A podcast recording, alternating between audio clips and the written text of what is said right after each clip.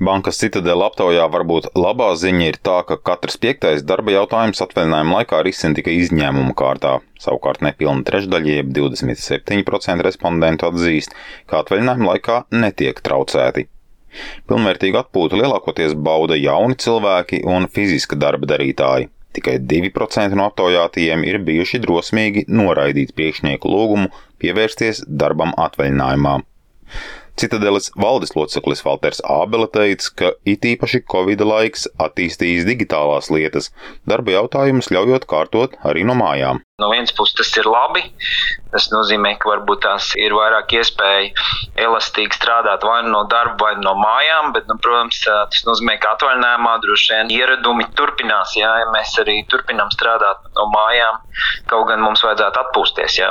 Te ir gan droši vien darba devēji, gan arī darba ņēmēji pieredumi, jā, kurus vajadzētu mainīt. Tāpēc mēs paši sev citadelē nolēmām, ka vienkārši, lai nav kārdinājums ne no vienas, ne no otras puses, mēs mēs atslēgsim šīs attālinātās pieejas, kamēr cilvēki ir atvaļinājumā. Tiesa arī sanāks un startautisks aptaujas rāda līdzīgu ainu, kā 60% iedzīvotāji atvaļinājuma laikā nāks strādāt.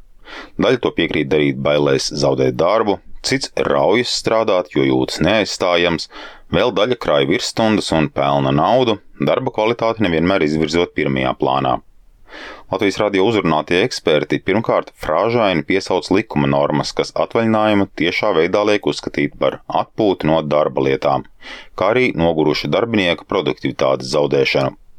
Taču Latvijas darba devēja konfederācijas ģenerāldirektors Kaspars Gorkšs vērtē, ka būtu aizsākama plašāka diskusija par darba spēka pārlieku neizmantošanu man kā no darba devēja puses ir, protams, ka sekot līdzi dažādiem mehānismiem un papildus rīkiem, ko darba devēja atsevišķi izmanto, lai tomēr veicinātu, lai darbinieks spētu pilnībā atpūsties atvaļinājuma laikā.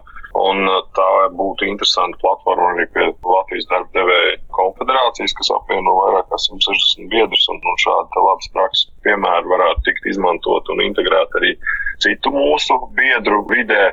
Bet no tādas individuālas iezīmes puses, ka strādāšana atvaļinājuma laikā var liecināt par vairākām lietām. Viens ir varbūt iekavēt darba apjoms vai pārlieku liels pienākumu skaits vai vienkārši nemācēšana atpūsties. Gorkšs vērtēja, ka lielā daļā gadījumu tieši vadītāji ir tie, kas atvaļinājumu izmanto tikai teorētiski. Tāpēc būtisks jautājums darba devēja pusē ir par to, cik ļoti tie sagatavojas atvaļinājuma laikam ar aizvietotājiem gan padotajiem, gan sev. Latvijas Brīvo arotbiedrību savienības vadītāja vietniece Gita Oškāja norāda uz divām problēmām Daļa darbinieku strādā bez apstājas un krāj atvaļinājuma dienas naudas gūšanai aiziešanas brīdī bet otri atvaļinājumā dodas formāli. Ir gan nacionālā, gan starptautiskā tiesu prakse, ka pie zināmiem apstākļiem darbinieks var arī zaudēt gan atvaļinājumu, gan atlīdzību. Bet līdz tam nemaz nevajadzētu nonākt. Un par to rūpe pirmām kārtām, protams, ir jātur darba devējam. Un tad ir tas otrs gadījums, kad darbinieks noformē atvaļinājumu, bet faktiski strādā. Nu, tas arī, protams, nav pieļaujams ne no likuma, ne no morālā viedokļa viedokļa, kāds ir atpūtas pamatmērķis. Ja? Tā nav iegriba, tā nav kaprīze, bet tā ir pamatvajadzība un tā ir pamatiesība. Noteikti arī pašam darbiniekam tomēr ir jābūt stingrākam un pārliecinātākam par savām tiesībām, jo tās ir rūpes arī nu, par viņa paša veselību un iespējams dzīvību. Oškai norāda, ka šī problēma ir daudz plašāka par dažiem darba holiķiem vai vergturiem darba devējiem jo lielākajā daļā gadījumu strādāšana atvaļinājuma laikā norāda uz nabadzību un valsts vadības nepadarītiem darbiem. Edgars Kupčs, Latvijas radio.